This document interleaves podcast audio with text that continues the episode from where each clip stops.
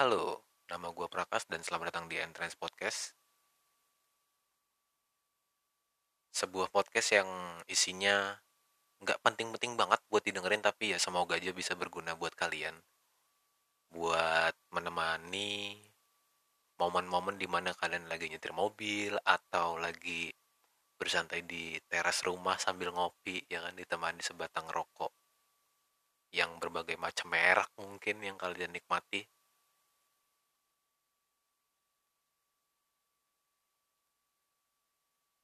ini sepertinya kali pertama ya buat gue untuk mencoba hal baru di dunia audio yaitu podcast. Semoga aja banyak yang dengerin. Dan terima kasih buat lo, semua yang mau setia dengerin podcast gue yang nggak ada isinya sama sekali sebenarnya Semoga bisa menghibur. Mungkin pertama-tama gue pengen perkenalan diri aja dulu.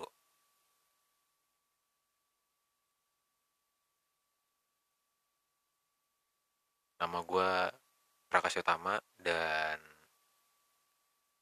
gue anak kedua dari dua bersaudara yang lahir di sebuah keluarga kecil yang cukup cukup sangat menyokong hidup gue ya. Terima kasih buat orang tua gue sebelumnya. Bisa dibilang keluarga gue itu dibilang miskin ya apa yang emang dibutuhin keluarga bisa dibeli. Dibilang keluarga ada juga enggak kaya-kaya banget. Enggak terpandang tapi ya semoga aja di keluarga yang gue cinta ini gue berharap banyak banyak dan banyak lagi cerita yang akan gue buat kenangan-kenangan yang indah bersama nyokap dan bokap gue semoga aja kalau mereka masih diberi umur panjang karena banyak di antara kita yang memang tidak seberuntung yang orang tuanya masih lengkap ya tidak seberuntung gua. Yang kadang udah yatim atau sudah piatu. Tapi gue tetap respect kepada mereka yang masih bisa survive untuk bertahan dari dunia yang orang bilang cukup kejam ya. Karena mereka harus hidup dengan orang tua yang tinggal satu ibaratnya single parent yang harus berjuang untuk menafkahi anak-anaknya. Yang karena masalah apa jadinya banyak dari omongan-omongan tentang oh dia kan ya gitu. Aduh. Banyak omongan-omongan tetangga yang suka pedes emang kadang. Hmm, tetangga suka pedes emang. Males dengerinnya. Terlepas dari masalah keluarga yang entah yatim piatu atau yatim piatu ya semoga buat kalian-kalian semua yang emang orang tuanya tinggal satu atau emang udah nggak ada orang tua sekali sama sekali Semoga kalian diberi kekuatan ya untuk menjalani hidup ini dan semoga kalian dibeli diberikan uh, kenikmatan yang banyak sama Tuhan.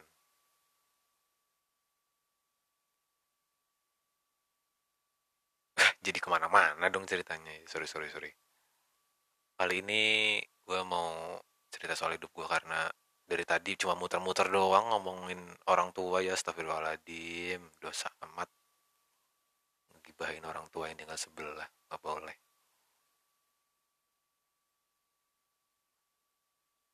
Gue lahir di Bekasi di mana waktu gue lahir itu tahun di mana Soeharto dilengserkan ya dari jabatannya. Wih sebelumnya warning dulu oh, buat Pak Harto mohon maaf bercandanya kelewatan astagfirullah. Gue ta gue lahir di tahun 1998 di mana waktu itu lagi krisis moneter ya mungkin.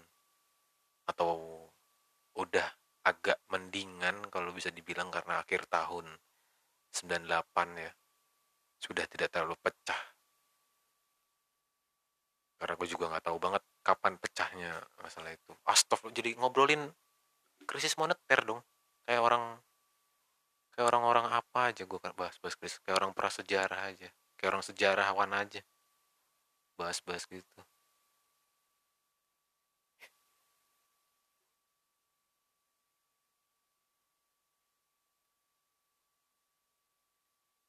Tapi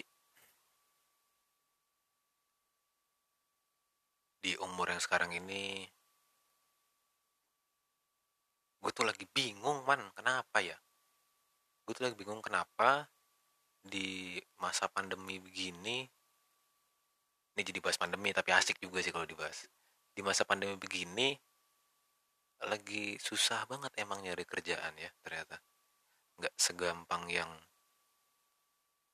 orang bilang butuh pengalaman. Terus cari kerja biar bisa nabung terus buat nikah. Wah kalau udah ngomongin nikah. Paling bete gue males banget astagfirullah. Itu yang sering bokap gue obrolin ya kadang-kadang. Yang bikin gue bete. Kalau masalah kerjaan kapan mau ngidupin berkas-berkas surat-suratnya buat bikin lamaran baru? Masih mending masih gue dengerin. Tapi kalau udah ngomongin kayak kapan nikahnya? Kapan pacarnya dibawa ke rumah? Wah nggak tahu pak. Jauh. Mm-mm. kenalan sama cewek aja jarang apalagi bawa cewek ke rumah. Hmm. tetangganya. Pedes mulutnya. Orang astagfirullah. Ngomongin tetangga lagi. Nggak ada nggak ada benernya tetangga itu kayaknya. Cuma jadi penghias penghias sekeliling rumah doang dong. Jadi kiasan biar berasa dianggap makhluk sosial.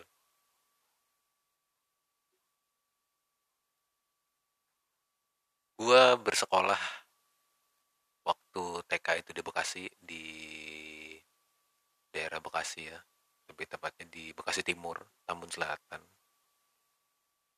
Terus gua bersekolah dasar di kampung di Purworejo Jawa Tengah mulai dari kelas 3 sampai lulus di sana gua menemukan banyak arti hidup yang memang sangat berarti buat gue pribadi. Terlebih orang-orang di kampung itu lebih mengajarkan soal yang namanya tata krama, arti kehidupan mulai dari tata krama, lantas mengajarkan kita arti solidaritas yang tinggi. Walaupun rumah-rumah di kampung itu jauh-jauhan ya bisa 10 meter ketemu rumah lagi atau 20 meter atau bahkan mungkin sampai 50 meter lagi baru ketemu rumah tapi ya solidaritas solidaritas di kampung itu bagus banget sih gue akuin gila kalau untuk membangun mental anak anak muda. Bagus.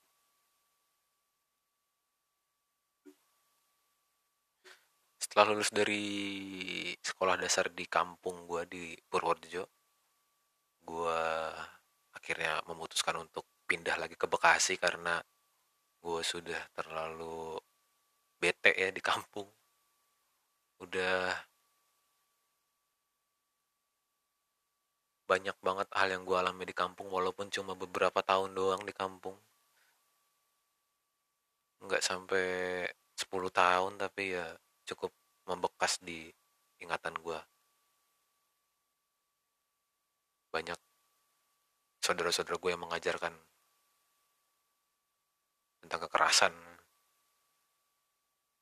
disiplin bah keras. Karena memang basicnya dari keluarga gue itu orangnya keras-keras semua. Tapi di balik kerasnya mereka ya alhamdulillah gue juga jadi mengerti yang namanya arti dari sebuah kedisiplinan itu sendiri dan mengapa mereka seperti itu ya gue jadi paham. Karena juga mereka tetap sayang sama gue sama saudara-saudara yang lain sama anak-anaknya atau sama cucu-cucunya Oke, kembali lagi ke masa sekolah. Setelah gue lulus sekolah dan memutuskan untuk ngambil SMP negeri di Bekasi ya, di Bekasi Timur, di bilangan Bekasi Timur. Akhirnya gue ikut tes untuk masuk SMP yang katanya idola banget waktu itu.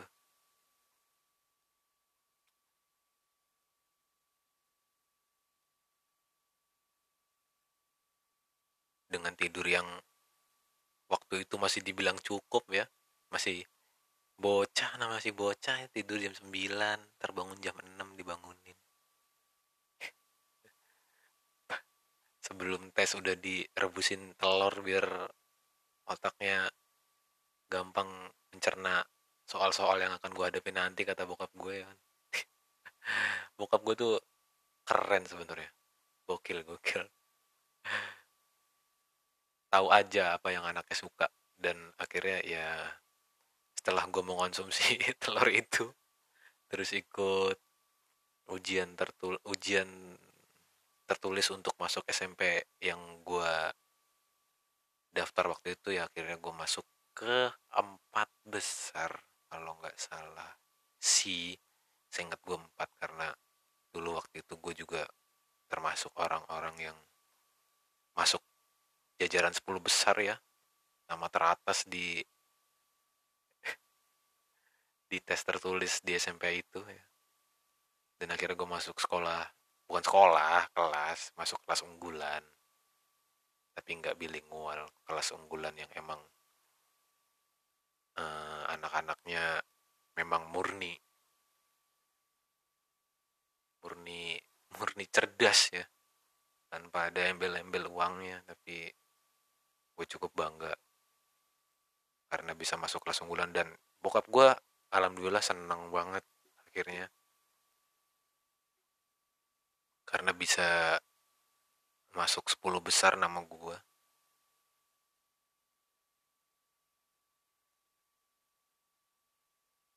waktu itu dulu tuh yang gue lihat tuh bokap gue cuma seneng bahagia karena anaknya masuk sekolah yang favorit di sana ya karena pindahan dari kampung.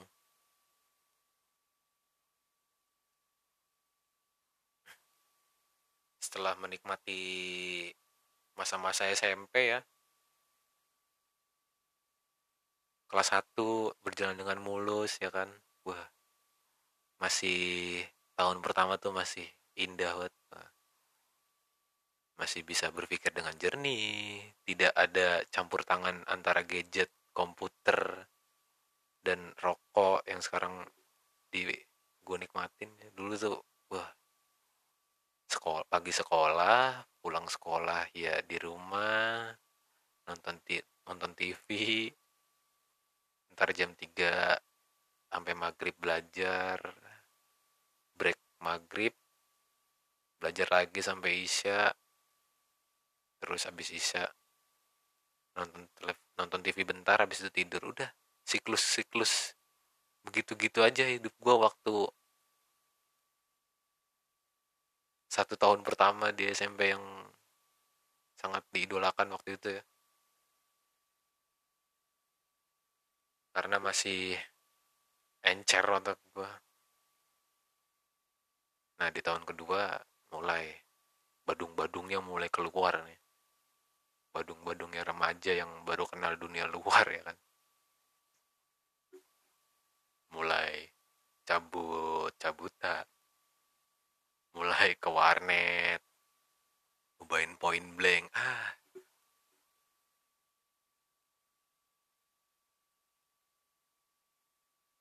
Masuk tahun ketiga ya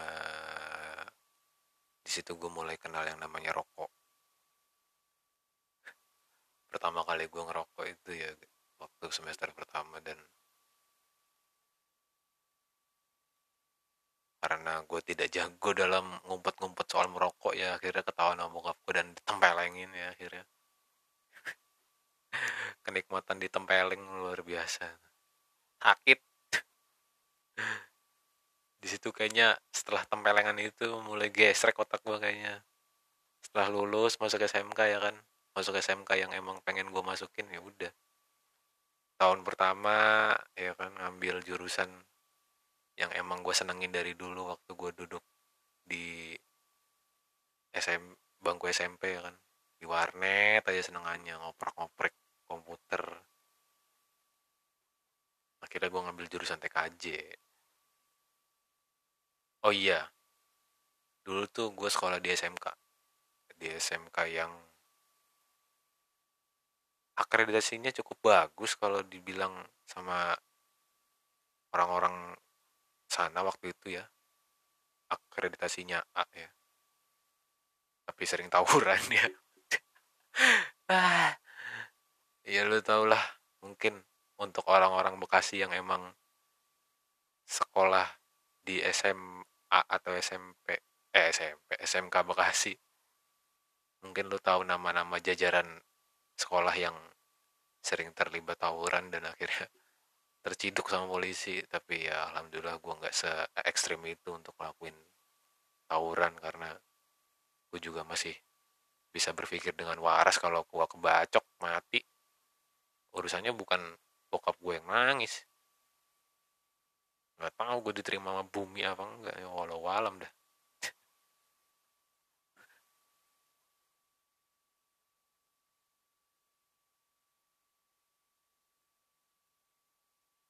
hingga akhirnya ya tahun pertama gue lalui dengan cukup menyenangkan di SMK tersebut. Tahun kedua mulai tumbuh benih-benih cinta monyet yang kata orang bilang itu cinta yang enak pada zamannya tapi nyatanya tidak. Ya Allah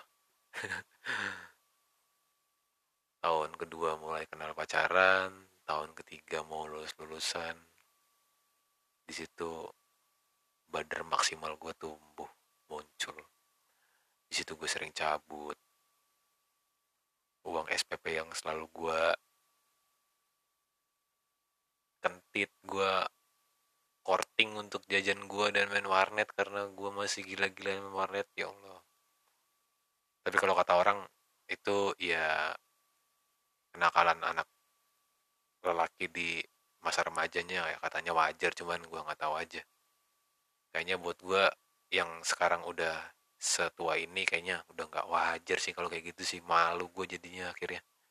Kayak kenapa gue dulu begitu ya? Tapi yang namanya penyesalan ya sudah pasti di akhir cerita. Tidak mungkin sebuah penyesalan akhirnya di datangnya di awal bukan akhirnya di awal. Salah ngomong mulu salah sebuah penyesalan udah pasti datangnya di akhir. Kalau di awal ya nggak tahu gue apa namanya? Daftaran kali apa apalah bodoh. Setelah gue lulus dari SMK yang cukup ternama di Bekasi itu akhirnya kelulusan tiba dan akhirnya gue menikmati dunia yang sebenarnya ya.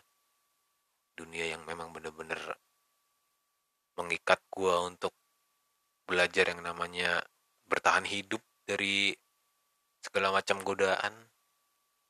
Dari yang namanya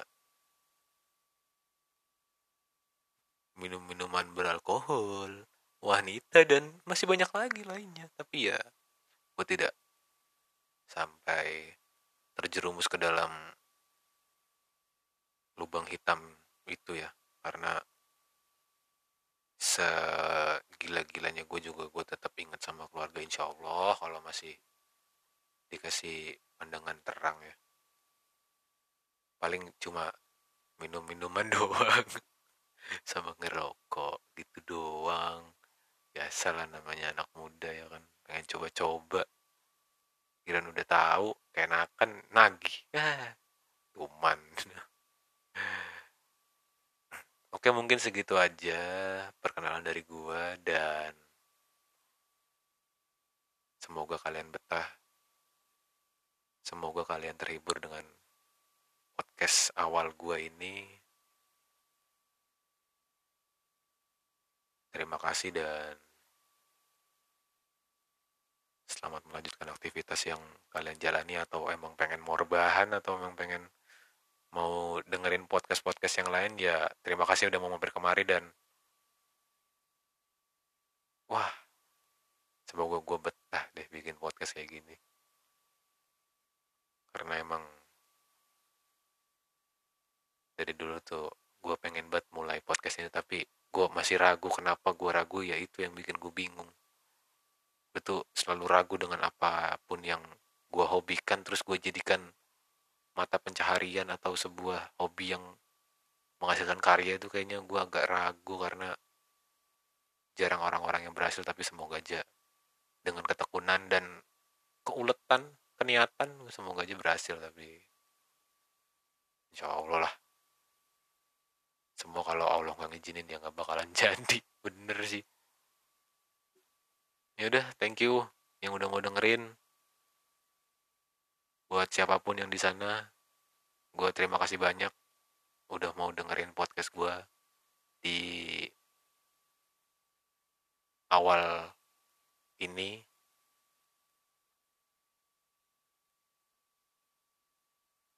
kembali dengan closing menyebutkan nama ya, ya. oke nama gue Prakas dan terima kasih sudah mau mendengarkan Entrance Podcast dan